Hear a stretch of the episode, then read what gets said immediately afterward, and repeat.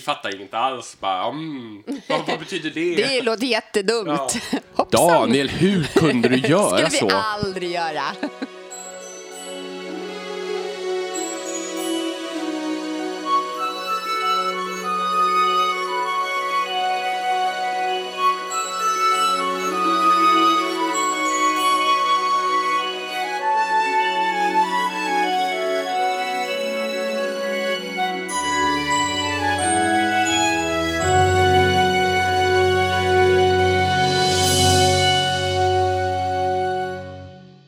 Hej och välkomna till det 26 avsnittet av Tolkienpodden. Och den här gången så har vi bestämt oss för att prata om ett lite, kanske lite mer löst hållet ämne, nämligen hur Lord of the Rings och Silmarillion hänger ihop med varandra. Ehm, eller snarare hur Silmarillion fungerar som fond till de andra verken. Ehm, bak, bakgrundshistorien och hur den sitter ihop med de senare åldrarna i Midgård. Och som vanligt, de tre som pratar är Adam. Elisabeth, Och Daniel. Men som vanligt, innan vi kommer in på det, så har vi några andra punkter att gå igenom. Och den första är månadens Arda-profil. Och den här gången är det Elisabeths tur.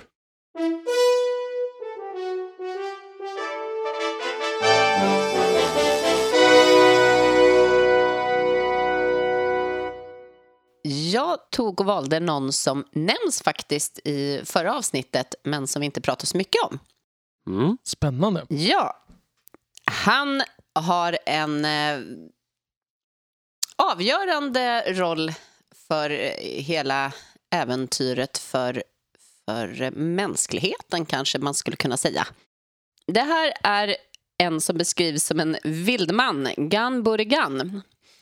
Han får en roll. Han, han nämns inte någonting innan, men han dyker upp precis vid rätt tillfälle och eh, gör det möjligt för Rohan att undsätta eh, Minas Tirith. Och eh, det hela handlar om att när de är på väg så eh, hade de egentligen inte haft en möjlighet att komma igenom för att vägarna var helt stängda. Och där dyker han upp och leder dem genom hemliga vägar i vildmarken. Eh, och sen kommer de ut och kan alltså så att säga komma i ett bakhåll för, för de andra för de är helt säkra på att de har ryggen Flanken är fri. skyddad, ja, men ja. precis. Eh, och det gör ju eh, faktiskt att de får en chans att, att göra någonting åt saken. Mm. Vända slaget. Ja, men delvis. mer eller mindre. Eh, sen kan man väl ha vissa andra åsikter om... Sen sker det ju fler vändpunkter. Fler, fler Mm. vändpunkter, precis. Men eh, han beskrivs som en vildman och jag, jag tycker att det är lite intressant för att man kan ju ha två, två tankar där. Eh, både att eh, det känns lite märkligt att man tar upp eh, och, och definierar honom som en vildman. Eh, men samtidigt så är det ju också det här att han låter, tolken låter honom få den här rollen som faktiskt är väldigt viktig och eh, helt avgörande. Ja, något av en Eh, hjälteroll faktiskt. Han fick en hjälteroll. Eh, och sen tycker jag att han beskriver det så bra. Nu har jag bara svenska översättningen här. Men eh, eh, han eh, tycker ju så pass illa om, om orker så att han eh, gillar inte att umgås med de här människorna som han söker upp och hjälper. Men han tycker att deras eh, krig mot orkerna är så viktigt så han vill att de ska vinna det. Kilgorgun. Precis.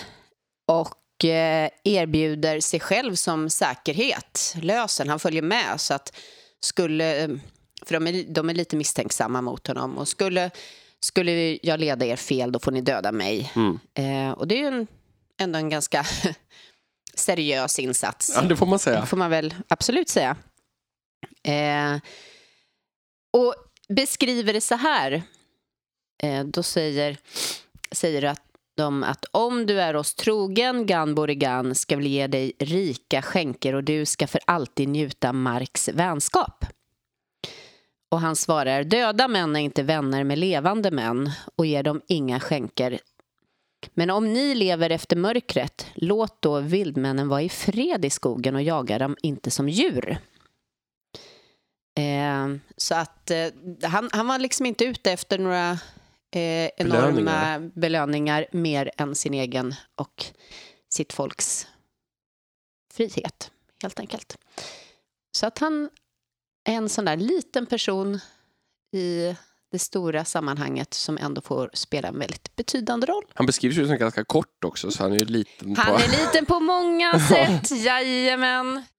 Jag ser det här lite som att eh, det är ett eko av Tolkiens läsande av indianböcker. Vi vet att han gillade sådana, eh, det, det har han skrivit eller sagt någon gång, när han var liten. Och det här känns väldigt mycket som den här genren av eh, äventyrsromaner mm. där mm. urbefolkningen, det är alltid någon ädla vilden som pratar lite stolpig engelska. Siste mohikanen. Ja, men, men verkligen den typen av bok. Ja. Mm.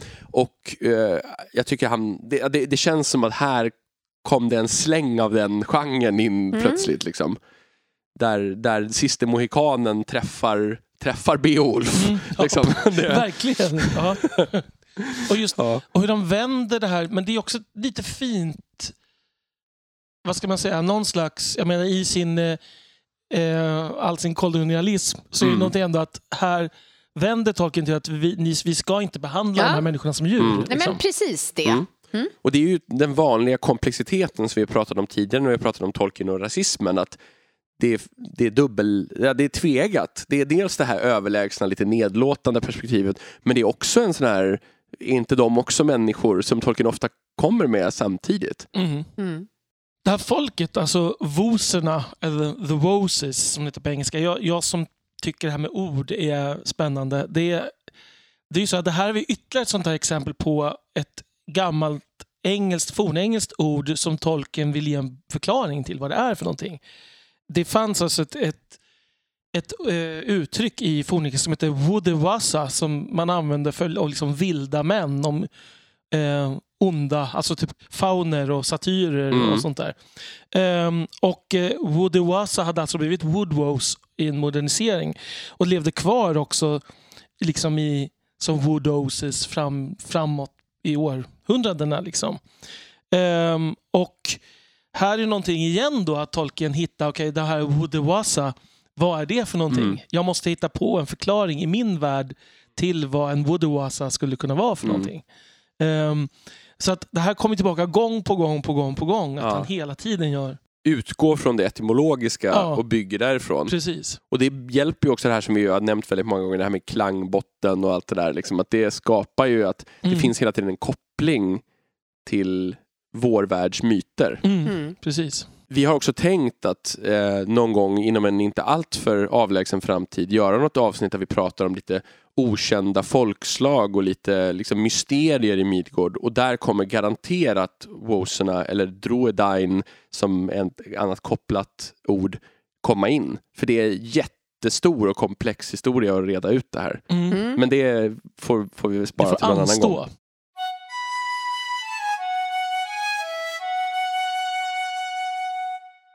Då går vi över till en lyssnarfråga. Det var en väldigt fascinerande lyssnarfråga som skickades in av David för ett tag sedan. Um, han säger att han har börjat fundera nu senast när han läste Ringens brödraskap på om Peter Jacksons tolkning av hur ringen skärs av från Saurons hand är förenlig med böckerna. Um, han säger alltså att man får känslan av när man läser böckerna att att det inte är så att det är själva avskärandet som gör slut på Sauron och att det verkar som att han besegras först och att ringen skärs av efteråt. Och så undrar han vad vi tänker om det. Och David har ju helt rätt. Det mesta tyder på att det inte är så här det går till i böckerna. Och det tror jag många har helt glömt för att man är så präglad av film, mm. eh, filmbilderna. Men vi har egentligen bara två stycken som skildrar det här. Det ena är från Fellowship of the Ring, när, man, när det här återberättas och då står det Sau and he, alltså Sauron, wrestled with Gilgalad and Elendil, and they both were slain, and the sword of Elendil broke under him as he fell. But Sauron also was thrown down, and with a hilt shard of Narsil, Isildur cut the ruling ring from the hand of Sauron and took it for his own. Och det andra stycket är från ett av Tolkiens brev eh, till en person som heter Milton Waldman. Och då återberättar han i, i kort sammanfattning olika händelser från tidigare åldrar.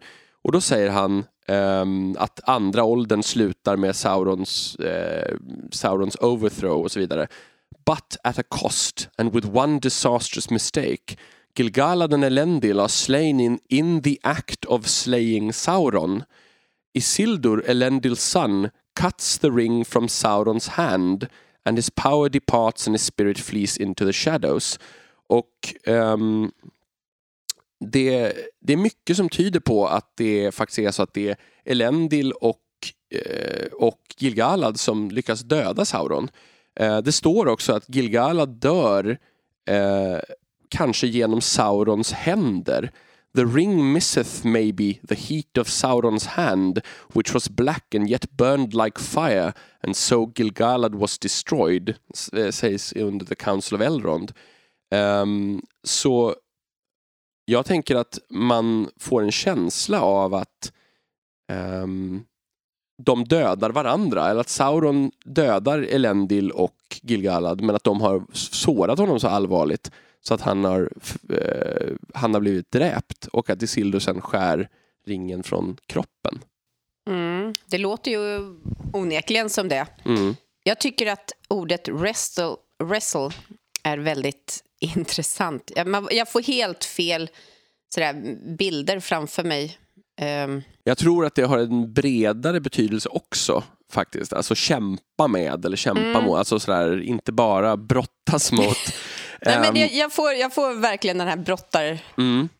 För, sekvensen. För det finns ett annat, mm. en annan grej som också pekar på att eh, det här... Eh, jag tänker att rädslan för um, från Sauron när han ser Andoril. Uh, då står det Sauron has not forgotten Isildur and the sword of Elendil.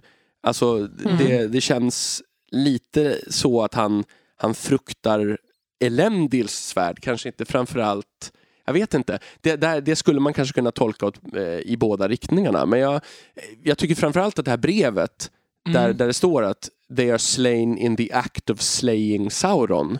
Mm. Det, det, blir väldigt, väldigt konstigt om det inte är de som dödar Sauron. Det, det som lite förvirrande ändå i det här tycker jag, det är ju det att det står i citatet från Fellowship som du läste mm. att att det är när ringen skärs av som ah, hans ande Ja, his spirit försvinner. departed, ja, just det. Vilket ju, när man pratar om en spirit som depart, alltså, mm. då är det ju att gå hädan nästan. Det är ju liksom så, att, så frågan är ju, det måste ju ändå skett väldigt tätt inpå. Ja, här. man skulle ju också kunna tänka sig en variant där de sårar Sauron allvarligt men han liksom dödar dem i sista slutet och sen faller ihop mm. och Isildur kommer och bara genom dödsstöten där han ligger så att säga.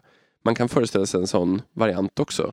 Eller så är det helt enkelt så att eftersom hans ande är bunden till ringen Mm. Så är det så att när mm. han tar ringen så mm. försvinner också anden bort, ja. tänker jag.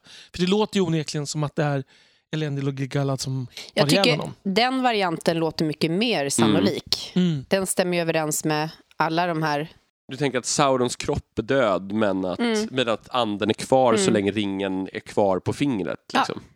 Men en... anden dör ju inte heller. Alltså, det är ju bara Nej. ett skal, hans kropp. Verkligen. Den intressanta saken är ju också det att det verkar som att han har ju byggt sig en ny kropp. Det, om det är någon som inte har, har liksom om, det, om vi inte har nämnt det förut så är det så att Sauron är ju inte bara ett öga i, i boken utan det står uttryckligen att han har en kropp. Till exempel så säger Gollum att det bara är fyra fingrar på den svarta handen. Mm. Och det stycket är ju intressant här också för att han har ju återskapat sin kropp men han mm. verkar inte ha kunnat återskapa det där fingret. För varför skulle han annars mm. sakna ett finger i sin nyskapade kropp?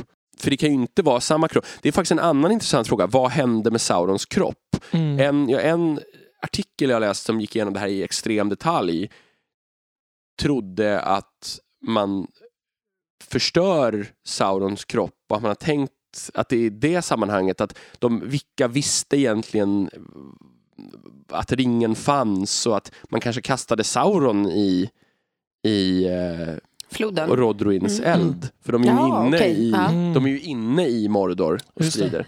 Och, och då, det. alltså, det, det är en lång, lång, långt resonemang på vilka skulle kunna vara där och sett det här och hört och att Isildur då tar ringen och så vidare.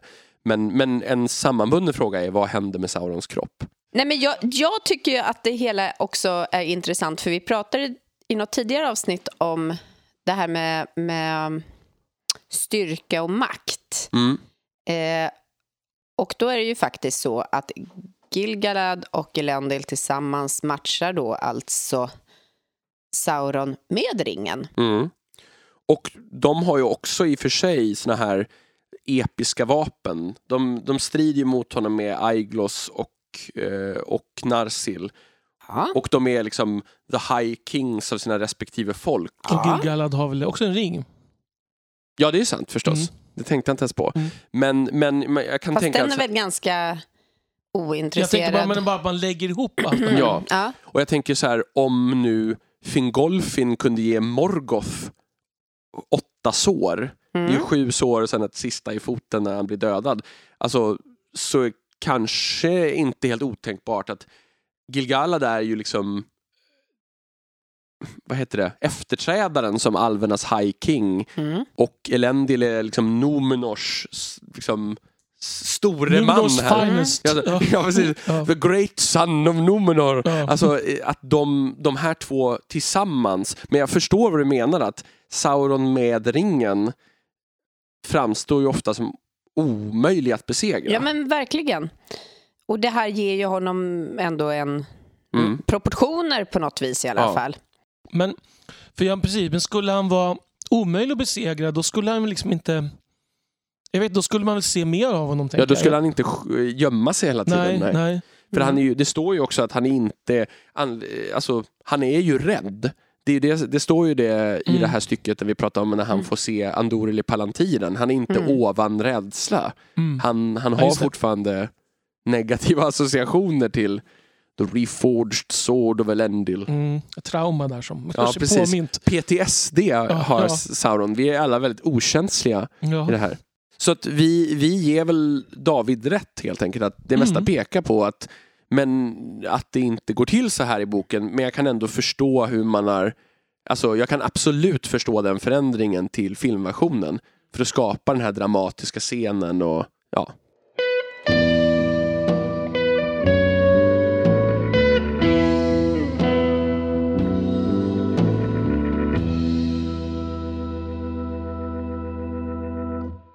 Vi tänkte alltså se lite på kopplingen nu mellan Silmarillion och, och övriga Midgårdaverk eller Ardaverk helt enkelt och se lite grann hur använder Tolkien sig av Silmarillion som en fond till det som sker långt senare? Och eh, vad finns det liksom för paralleller man kan dra, alltså teman som kommer igen? Kanske vi kan titta lite på också.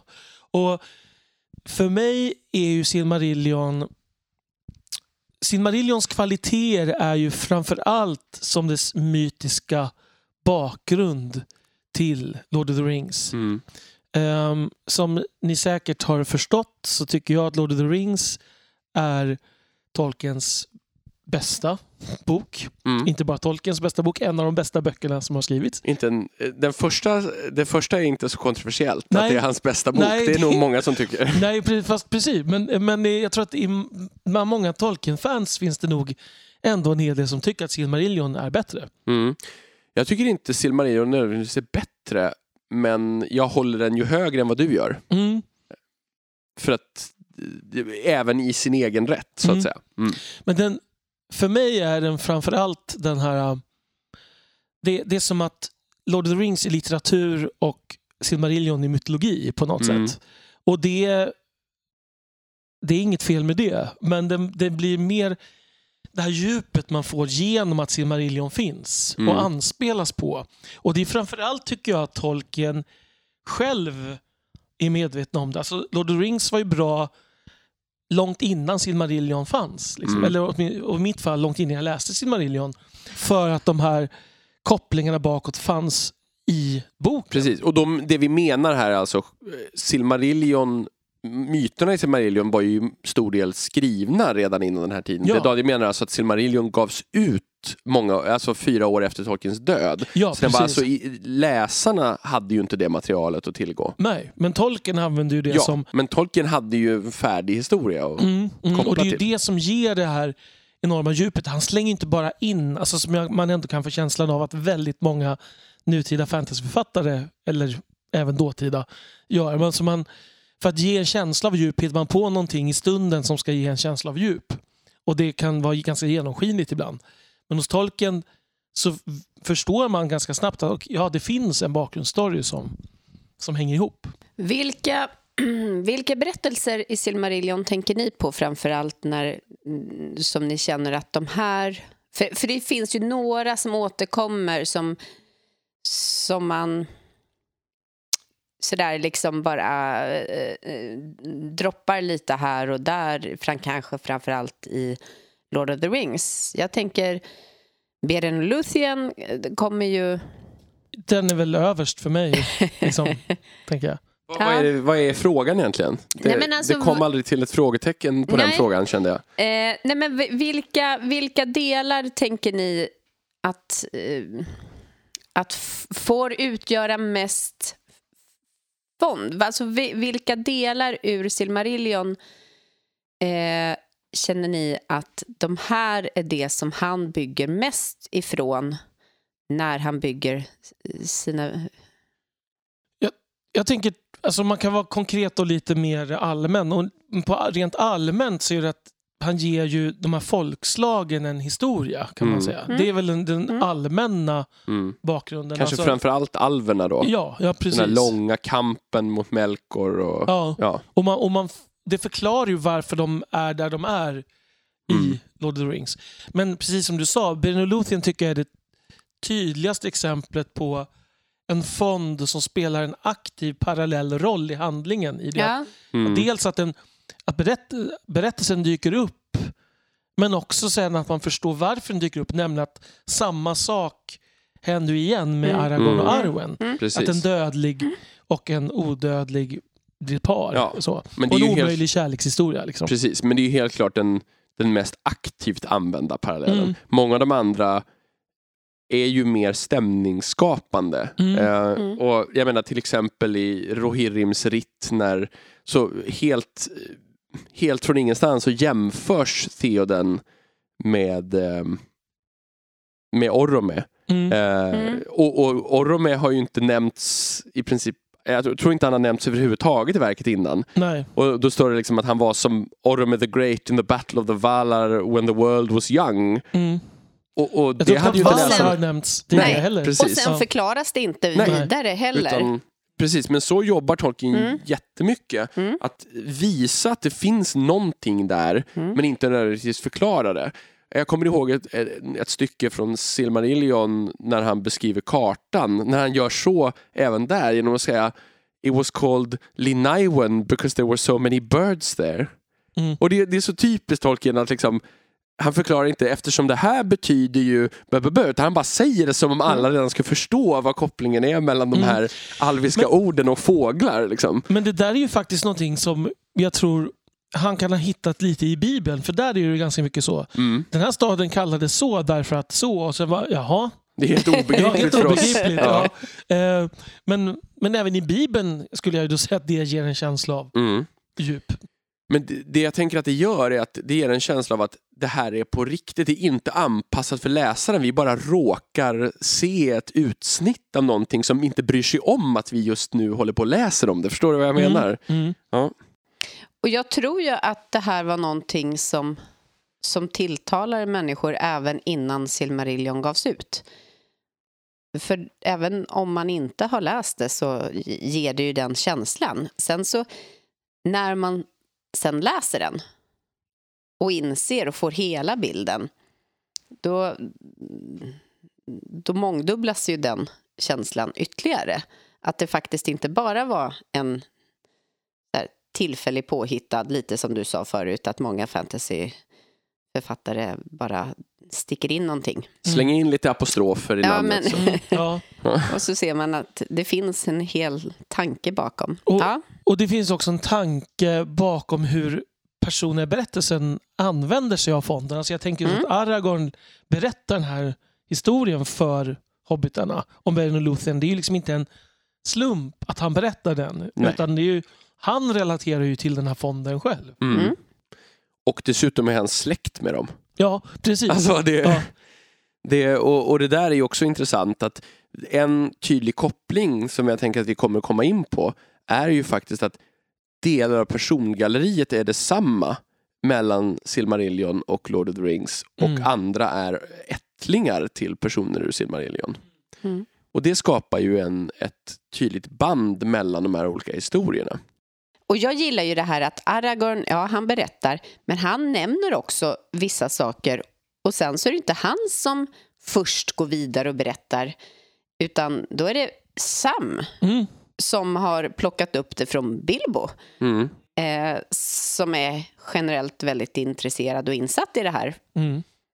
eh, som sen kan hela strofer fast har ingen bakgrundskunskap Nej, utan han, bara, vet har att han bara Gilgalad was an. Elven King, men inte så mycket mer. Nej, men det där är dock också ett exempel på hur Tolkien skapar en fond inom Lord of the Rings. Ja, Ja. precis. Alltså att, ja. att när också Elrond till exempel ser tillbaka på till saker som inte egentligen hände i Silmarillion utan han ser tillbaka på striden som vi just var inne på. Mm. Eh, den här sista alliansen. Där och han säger Dagorland, jag var där, Mm. säger han. Liksom, för flera tusen år sedan. Liksom. Och Frodo är så här, va? Det är Ja. omöjligt. Ja, så att han skapar fonden med att han visar också att den här fonden är inte bara endimensionell utan Nej. den är högst tredimensionell.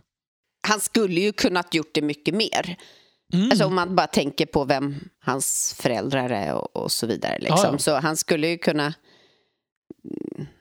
Gått loss. Ja, Och jag menar, men det är ju också lite galet när Bilbo sjunger om Erendil was a mariner och det är Elrond bara, det är min pappa. Ja, alltså precis. det, det är Ja. ju ja, Ja. svårgreppbart får man säga om man inte... Och att det liksom, det, att det kanske inte... Vad ska man säga? Att, det inte, att hur man hanterade ämnet i, just i Rivendell. Ja, det måste, ja, ja, det, det måste alltså- vara lite konstigt, Ja, hela Det grejen. kan bli liksom. stelt om det inte blir bra. Precis. Det som är intressant tycker jag med det här med, med att Bilbo är den som skapar om Erendil eh, så är det ju att han vet ju släktskapet. Ja, ja. Precis. Hade det varit, hade det varit Frodo så, eller någon annan som Mm. hade eh, varit den som fick eh, diktera lite grann, liksom, då är det ju inte säkert att han hade gjort den kopplingen redan. Men Bilbo visste det ju Ja, helt säkert absolut. Mm, och bara ger sig på det ändå. mm. Ja. Men Bi- ja, Bilbo är inte, inte så rädd för att ta på sig stora grejer. Nej. Nej. Det är som när han tänker att han ska ge sig iväg med ringen igen. Ja, va? men du är Mm. för gammal. Precis. Men om vi tänker på vilka kopplingar som vi har lite mer konkret, tänker jag, mellan Silmarillion och Lord of the Rings, så kanske vi ska börja med att vara lite pedagogiska och förklara liksom var Silmarillion utspelar sig. Mm. För Silmarillion utspelas ju delvis i Midgård, alltså den kontinent där eh, Lord of the Rings utspelar sig, men också delvis på andra sidan havet. Men majoriteten av den del som utspelas i Midgård eh, utspelar sig på en plats som heter Beleriand, som är nordväst om det Midgård som man ser på tredje åldern-kartorna. Och den delen sjunker i havet i slutet av första åldern under liksom, när gudarna strider så blir det såna här stora omformningar. Alltså Så- den, precis, den bergskedja som ligger längst till väster i norra delen av Midgård på Lord of Rings-kartan, Mm. Blåbergen, det är den bergskedjan som ligger längst i öster på. Silmarillion-kartan. Ered Luin och Ered Lindon är alltså samma sak. Mm. Ehm, och Var det själva kriget som sänkte det? ja, det var det. Okej, är jag, liksom- jag hade för mig att det var... ehm, jag menar att Iluvatar eller någon... Nej, det är, det det är med enough- som du tänker på nu. is enough. Nej, utan det är när Valar kommer dundrande och Melkor sätter emot och det skälver Ah, hela världen och så det. kommer att, att havet liksom forsar in och sådär. Men det verkar ju inte vara så att det sker på en sekund utan folk, de flesta folkslag som bor i Beleriand hinner liksom fly därifrån eller emigrera över bergen eh, när det här omformas. Och eh, alverna skapar ju då ett nytt rike just i Lindon, alltså den den lilla, lilla del som finns kvar av det gamla Beleriand på Mm. andra sidan de här bergen. Eh, och man, det finns andra saker som finns kvar också, till exempel um, Tol Morwen som är liksom det här um, begravningsröset över Horins fru och barn. Det sticker ju upp som en liten Ö.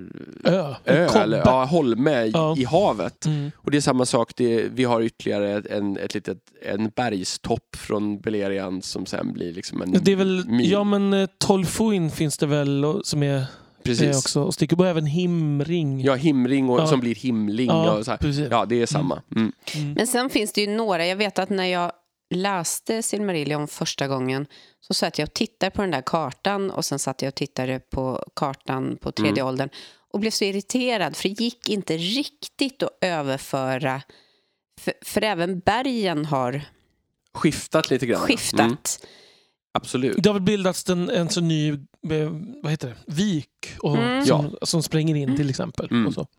Precis. Men den del av Midgård som vi sen ser i Lord of the Rings, alltså i tredje åldern, eh, den finns ju redan innan. Eh, alverna kommer vandrande österifrån, de passerar igenom det här området, vissa stannar där, vissa av de här alvfolken som bryter sig loss i början av Silmarillion. Och Stannar. dvärgarna. Och dvärgarna har ju redan Khazad-dûm eh, bortanför och det kommer människor från östern. Östringarna finns ju även i Silmarillion och de kommer invandrare från andra sidan bergen. Så den här platsen är ju befolkad redan i första åldern men det befinner sig utanför historiens eh, ramar just då.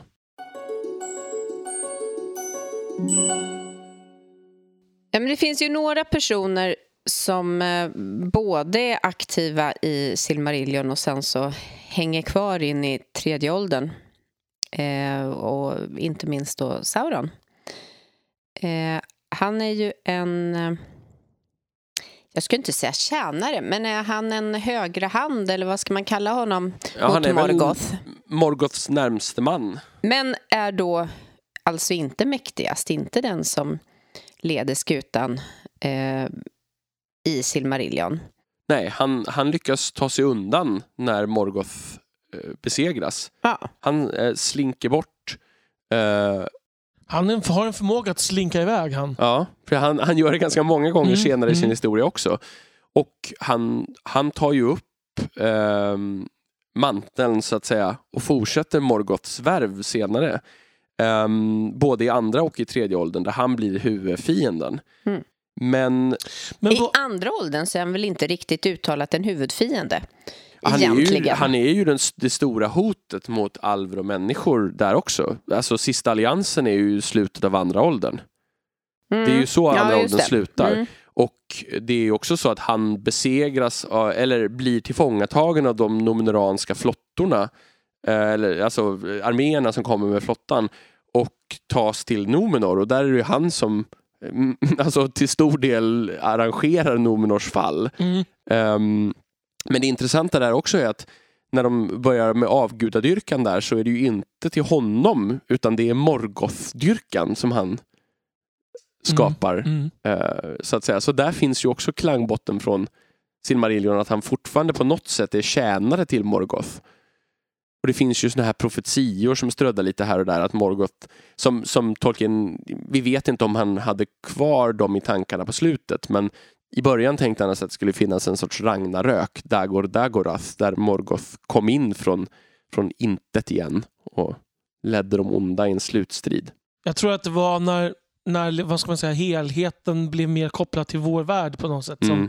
som det blev svårt att få in den. Ja, men då har det inte hänt än i så fall. Nej, nej. Ja. Vi väntar fortfarande Precis. på Morgoths återkomst. Men vi, vi har ju en del tecken i tiden nu. ja, ja, det får man ju säga. Nej, men Sauron blir ju någon, någon av de här personerna som verkligen tar en aktiv roll Jag vet inte, vilka mer är det som har en riktigt, riktigt aktiv roll? Även, det finns ju fler som nämns. Och Lorin blir Gandalf, till exempel. Mm. Ehm, men eh, vilka är det mer som, som är betydande i Silmarillion och i Lord of the Rings?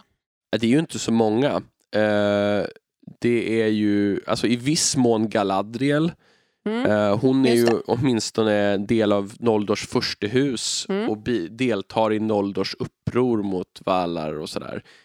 Men, men han hade ju svårt, för hon är ju en efterkonstruktion, Ja, eh, att få in det. För att, eftersom han hittade på, sätter jag henne, ja, kom på henne när han skrev Lord of the Rings. ja, och sen klämde in henne som en av Finarfin, ett av Finarfins barn. Ja, och det är ju egentligen likadant med Gandalf. Att, att Gandalf kom han ju på när han skrev Bilbo. Ja, Och sen när han var tvungen att få ihop det här så hittade han på en Olorin då som fanns tidigare. Så att precis. det, det är svårare. Sauron är ju tydligare för att han var någonting som, tol- som fanns redan innan som Tolkien sen förde vidare in i. Ja, i olika skepnader. Ja, Först precis. Tevildo och sen Thu the Hunter Ja. och sen Sauron. Och sen Sauron och sen som då blev den här The Necromancer i The Hobbit. Ja, just det. Så att Sauron har ju väldigt många skepnader Mm, och det passar honom ganska bra får man mm, säga. Verkligen. Ehm, men en, ann- en, en sak som inte är en koppling på samma sätt det är ju det här att Silmarillerna, mot, den stora motsättningen i första åldern, de går ju under ehm, eller liksom lyfts ur världen allihopa i slutet av Silmarillion. Så de ju, har ju ingen knytning till senare ut- utom i myt. Och ringarna är ju inte skapade än så båda de där är ju separata mellan de två verken. Även om tematiken ja. är tydlig parallell Jo men mellan... det är lite det jag menar, ringarna ersätter lite grann Mm. Silmarillerna Mm, i deras berätt- roll i berättelsen. mm. Får man säga. Fast Silmarill... En Silmarill är ju indirekt något aktiv i, eh, i Lord of the Rings. För den finns på himlavalvet. Ja, men att, att det här ljuset, det här... eh, Just det. The File of Galadriel. Ja, nej men att, att det finns med in i de mörkaste, in i det mörkaste mörkret Mm. så finns ändå ljuset med in och eh, Ja, det är alltså i den här äh, glasbehållaren som Ja. Frodo får av Galadriel. Där är ju då ljuset från Earendil som är morgonstjärnan, aftonstjärnan, som ju är, också är Eldrons far. Mm. Eh, som har en Silmarill uppe på, uppe på himlavalvet. Mm. Så visst, absolut. Man kan ju säga att, att Silmarillen är med och, och, och hjälper till att förstöra ringen. Kan man Och där finns det också åkallandet av Elbereth, Mm. eh, det vill säga Varda, eh, Mm. gudarnas drottning som också är Mm. kopplat till stjärnorna och så. Mm. Men det där var intressant Lisbeth. Jag har aldrig tänkt på att Silmarillen faktiskt är närvarande ända in i Mordor. Mm. Ja, i Se någon där. form. Ja, Mm. ja, ljuset från den i alla fall. Mm. är det idag jag ska köpa en trisslott? Plötsligt händer det.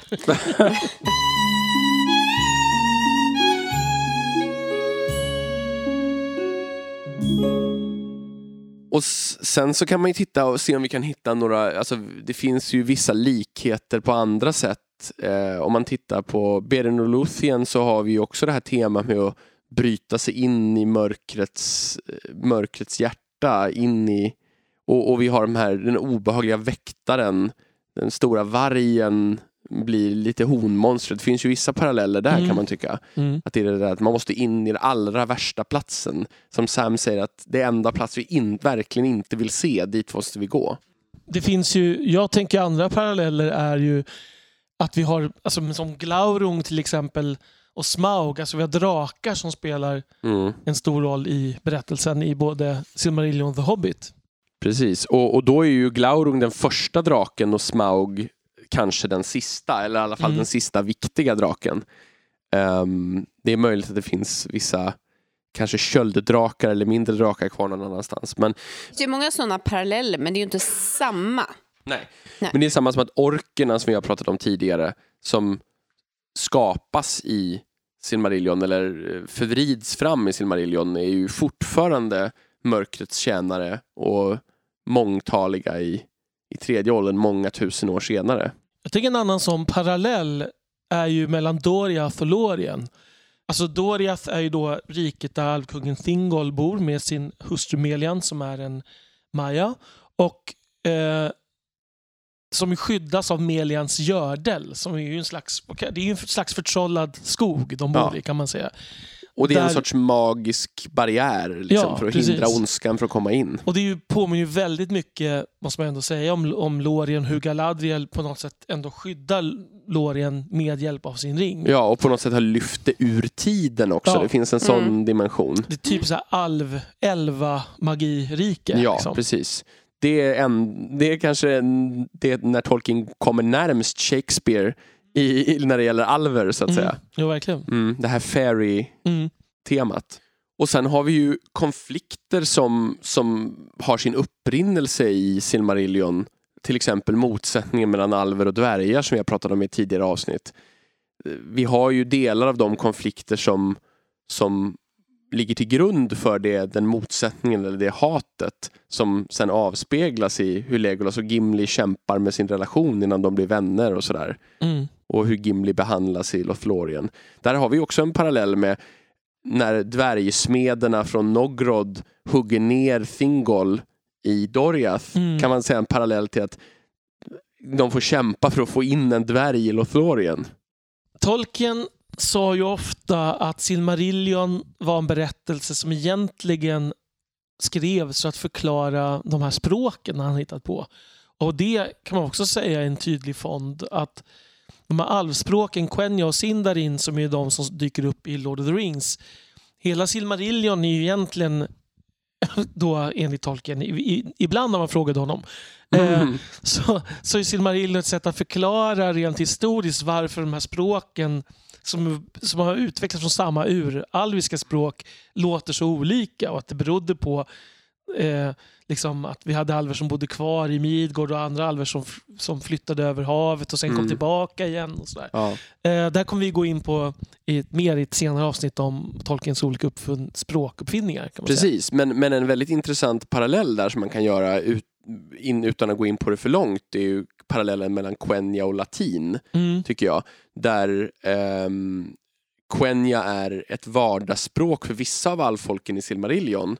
Men det har blivit något så ceremoniellt, lite högtravande, sammanhållande språk som bara används i vissa sammanhang, även av de som förr talade det. Lite grann som latinet var romarnas vardagsspråk och sen blev liksom eh, ja, ett ceremonispråk och ett språk som hölls vid liv av kyrkan under medeltiden medan eh, det började Sindarin. utvecklas bort från, ja precis. Och Sindarin är ju mer då som den vardagsgrekiska som talades i stora delar Ja. av, kring Medelhavet och medan latin blir mer och mer ett ceremonispråk. Sen finns det ju en del andra som man använder, eh, ja, personer eller namn som har sitt ursprung från någon person eller namn i Silmarillion och sen ger man det, eh, det namnet till någonting i Lord of the Rings, som Gron till exempel. Eh, det är väl snarare funktionen där. Man kan tänka att, att man döper en gigantisk murbräcka som, eh, efter, efter mörkrets förstes spikklubba. Det, det är ju liksom lite tematiskt den här, att den ska slå krossa fiendens försvar och portar och lite så. Men det finns ju det finns ju massa sådana namn alltså, på personer också. Till Mm. exempel Denethors far Ecthelion som ju döpt efter det. Ecthelion of the Fountain i Silmarillion. Ja, och vi har Horin, Ja. heter ju en av de här viktiga personerna i Gondor, Ja. döpt efter Horin Thalion. Vi har ju flera, vi har en Boromir i, i, tillbaka i Silmarillion också. Och där måste jag erkänna att jag tycker både att det är positivt för att eh, det känns som att det ger en historisk klang Mm. och samtidigt är det extremt irriterande för att ja, men det blandas ju ihop så lätt. Och, ja, nej, det Mm. finns lite för många med samma namn. Ja, det, det är ganska många fall faktiskt, men i många fall så är det ju en som är känd och, de, och ett gäng andra som är, som är verkligen bifigurer. En som, som person ju, som dyker upp både är väl Glorfindel, Ja, som vi har pratat om tidigare här i podden. i avsnitt två Ja. för Ja. nästan två år sedan då. Ja, precis. Ehm, Eh, där, där tolken höll på och velade fram och tillbaka om det var samma Mm. person eller inte, men sen till slut landade i att det var det. som hade återvänt Ja. från döden så att säga. Precis. Mm. Ehm, och sen så har vi ju vi har ju dvärgarnas första namn, den här Dorin ska vara återfödd en massa gånger. Det är ju Mm. också en koppling tillbaka till den första Dorin Mm. i början av första åldern. Och det finns ju eh, platsnamn också. Det finns ett Minas Tirith i Silmarillion också. Eh, som är Fingons vakttorn. Det, det finns ju gott om den typen av kopplingar i, i Mm. namnen och Mm. att man försöker anspela på det historiska tänker jag. Mm. Och framförallt Gondor kanske som, som ju är det här mer historiskt kopplade riket, de gamla rötterna, lite på nedgång, lite nostalgiskt kopplat till det nomonoranska, att man inte vill släppa taget, medan som kontrasterar mot det unga Rohan på väg upp som är lite mer liksom här och nu. Om ni förstår vad jag menar. Mm. Ja, det är lite som det så här förtvinande romerska riket och de nya liksom barbar kungadömena som kommer. I, Ja, som dessutom har ett helt nytt språk. ja Och- precis. Mm. Som inte har de här historiska banden tillbaka många hundra år i tiden. Nej, heller. precis. Ja, vad tycker ni om det här med att de återanvänder namnen? Tycker ni att det är odelat positivt eller är det någonting som...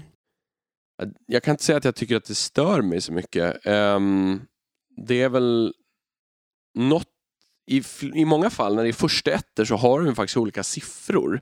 Mm. Eh, men det finns ju något enstaka fall där det är där det är ungefär lika stora figurer där man faktiskt måste göra en parentes liksom, och skriva den här Boromir och den där Boromir till exempel. Nej, men, så.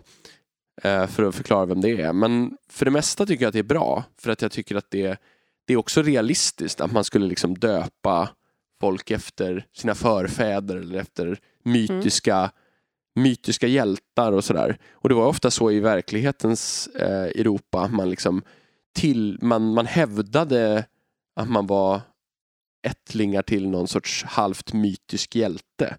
Och att man kanske döpte barnen efter det och sådär. Det var inte ovanligt. Nej, alltså jag har inga problem med det överhuvudtaget tror jag. Det, det, är alltså, det är möjligen om det är så att det sker lite för mycket. För att det kanske är lite för vanligt. Alltså, men det jag tänker är att eh, vi lever ju, eller vi, nej, vi lever ju inte där tyvärr. Eller som tur. Tyvärr. Tyvärr, Eh, ja. Det skulle vara härligt ibland. Ehm, Bara då och då. Ja, i vissa delar också. Men det, det jag tänker är att um, Midgård och Arda är ju en värld där historien lever vidare, lever kvar på ett helt annat sätt. Att vi har ju ett folk som har minnen som liksom på individnivå sträcker sig bakåt flera tusen år. Mm. Eh, vi har ju lik- liksom knappt historiska källor som går tillbaka i den utsträckningen. Så att, att namn ska leva kvar har liksom en större... Att man kan återanvända ett namn som är 5000 år gammalt är liksom inte konstigt när... När det bara gått en generation Ja, sedan dess. precis. Mm. Det, det blir, skulle ju vara väldigt konstigt här på Ja. ett annat sätt. Alltså, om man tänker sig att man att inte namnen används flera, alltså flera gånger under, under tiden utan bara nu döper vi någon efter någon som levde i Mesopotamien. Mm. Alltså det skulle kännas väldigt slumpartat. Precis, här, här är min son Sinleki Onini. Ja, Det, det hade varit lite otippat. ja, Ja. Du menar att din son kommer inte heta Agamemnon? Eh, nej, jag, jag tror inte det. Ehm, Ja, det, det, är många som har, det är många som har den fördomen om mig. Att, att de bara kommer heta Exelion och Erkenbrand och så vidare. Men det får vi se. Men en sak som jag tänker på kanske ur ett historikerperspektiv är att vissa av de här folkslagen, lite som du sa Daniel med att det har bara gått några få generationer bland alverna, de är ju väldigt lika sig. Det kan vara så att de har också känslan av en svunnen storhetstid när de har haft en annan ställning och en annan makt och sådär. Men det är ändå så att det är samma personer som bibehåller samma arv på något sätt. Medan bland människor där, där många tusen år är en fruktansvärt lång tid. Så trots att, som vi har nämnt förut, att eh, den tekniknivån kanske inte är så väldigt annorlunda så har ju ändå på en samhällelig nivå har många av de här folken gått igenom enorma förändringar. Att liksom folkslag och stammar har försvunnit och dykt upp och Mm. försvunnit igen. Och, och arv, både språkliga och etniska och kulturella arv har liksom gått genom olika eh, faser och, och sådär. Så det blir det är en väldigt komplex väv om man ska försöka liksom pussla ihop vad är historien bakom olika folkslagen genom alla Midgårds åldrar. Mm. Bland alverna så är det ju alltså, så är det förhållandevis enkelt. Alltså det, finns, det går ändå att sammanfatta allt på en, en sida med lite streck. Eh, medan med människorna så är det extremt komplext.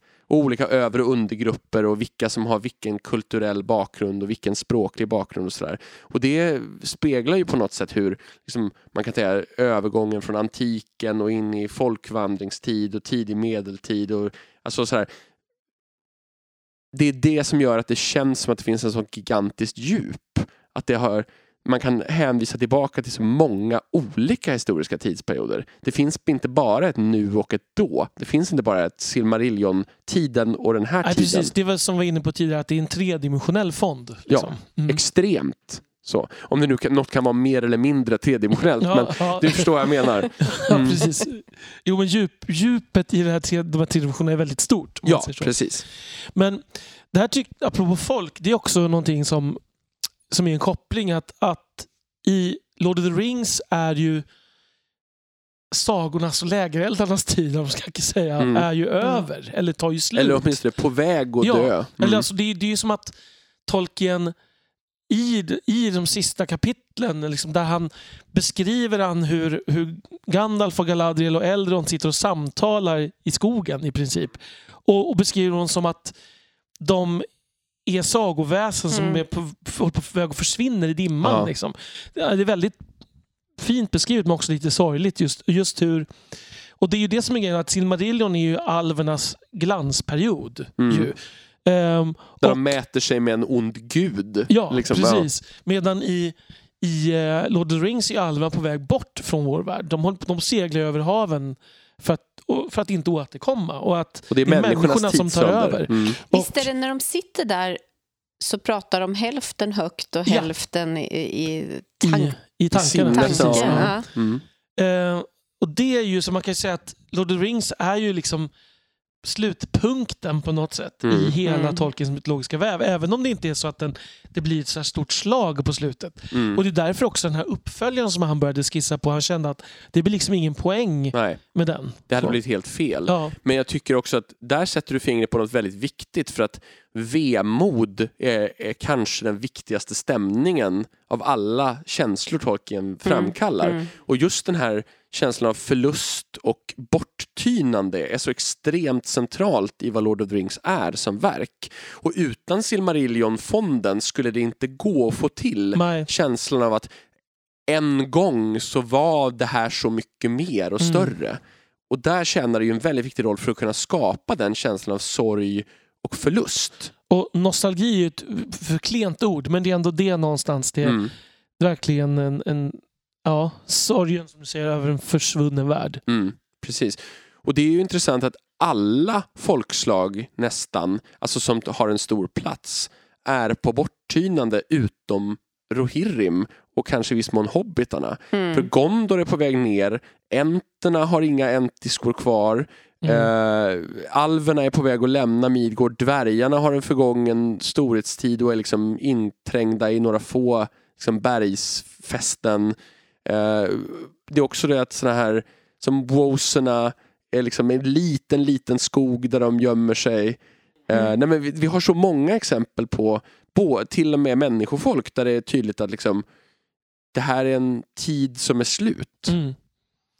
Och även, jag menar på sikt, det förstår man det ju som att hobbitarna också försvinner. Det är ju så. Så är det ju. Att de, det, det får man ju redan i Concerning Hobbits, att Ja. de, är på, de i sin tur tynade bort Ja. sen. Mm. Och det är väl lite det här att to- det är Tolkiens mot, ska man säga, problematiska inställning till det moderna.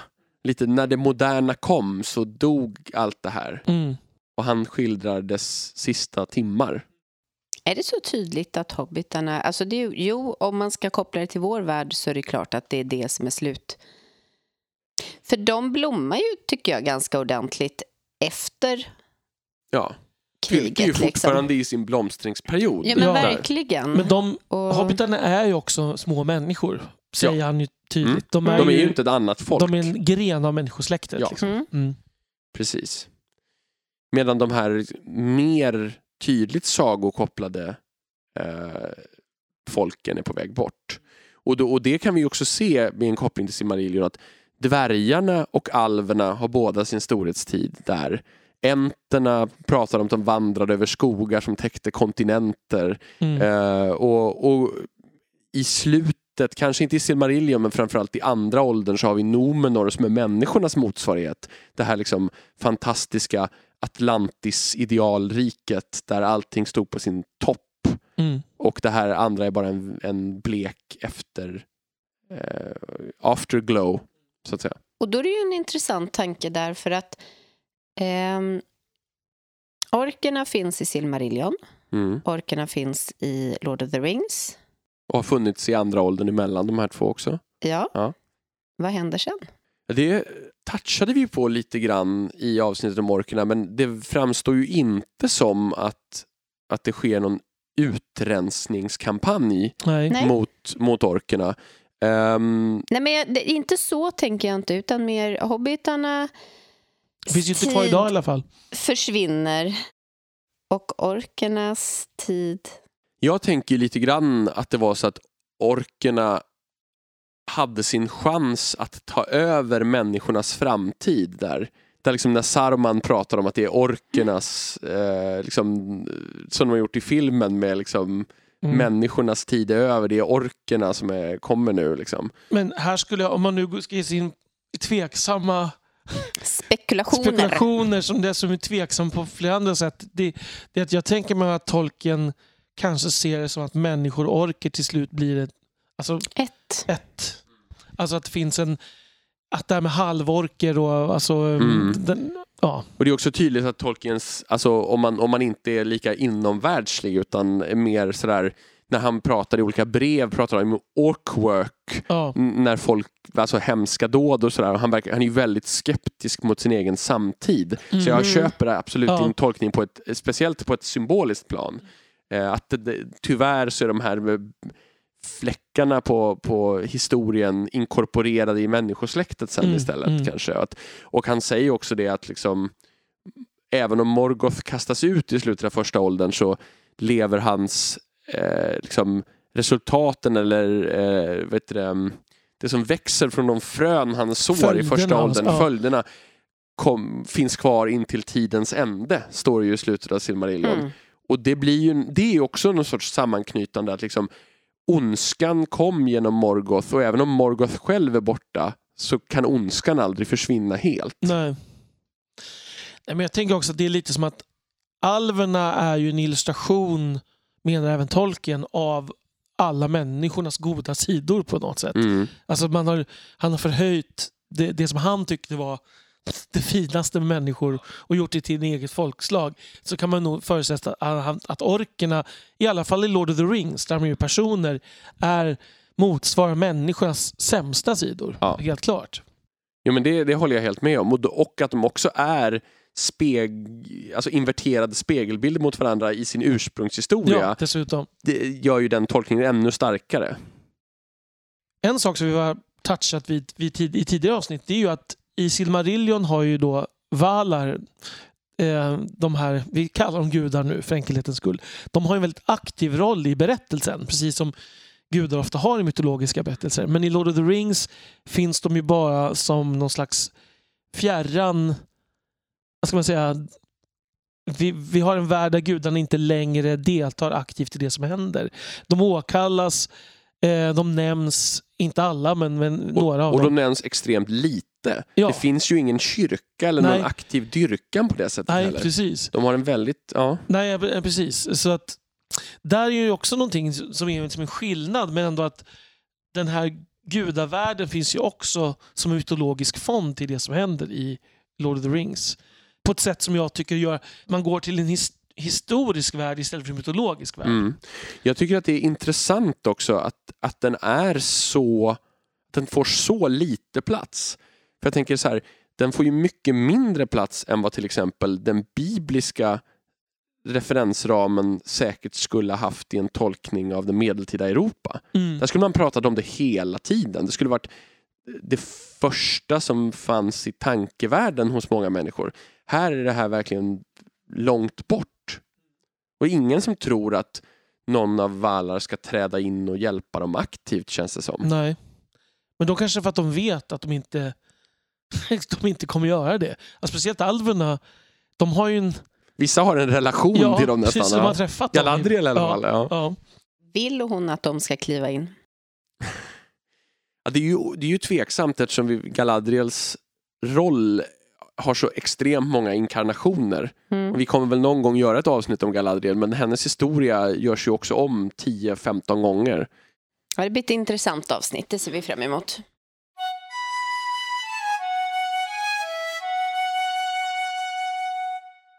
Vi hoppas att ni ehm, antingen om ni inte hade så bra koll fick lite bättre klarhet i hur Silmarillion och Lord of the Rings hängde ihop eller om ni hade kände till det en hel del innan att ni tyckte det var en intressanta resonemang kring hur de här två är kopplade till varandra. Det finns ju förstås väldigt många aspekter vi hade kunnat ta upp. Så ni får jättegärna höra av er eller kommentera på Facebook så saker som det här tycker jag är en intressant aspekt så som vi, vi inte tog upp. Och ni vet ju att ni kan mejla oss på tolkenpodden gmail.com och ni, ja som sagt, skriv till oss på Facebook och sådär. Det går också bra. För det är jätteroligt att ni tar aktiv del och att vi får idéer till avsnitt och frågor att svara på och sådär. Det uppskattar vi verkligen. Och vi har ju en lång, lång lista på kommande förslag på avsnittsteman. Så ni behöver inte vara oroliga att vi ska Få, få slut. slut på idéer. Nej. Utan och och de det- blir ju, de, den växer ju snarare än krymper för vi Precis. får fler idéer än vad vi gör av med. Så vi har ett antal års avsnitt eh, här framöver. Absolut, men då återstår det kanske bara att eh, tacka så mycket. Ja, och vi säger glad midsommar, för det är midsommar snart. Hej då! Hej då! Hej hej!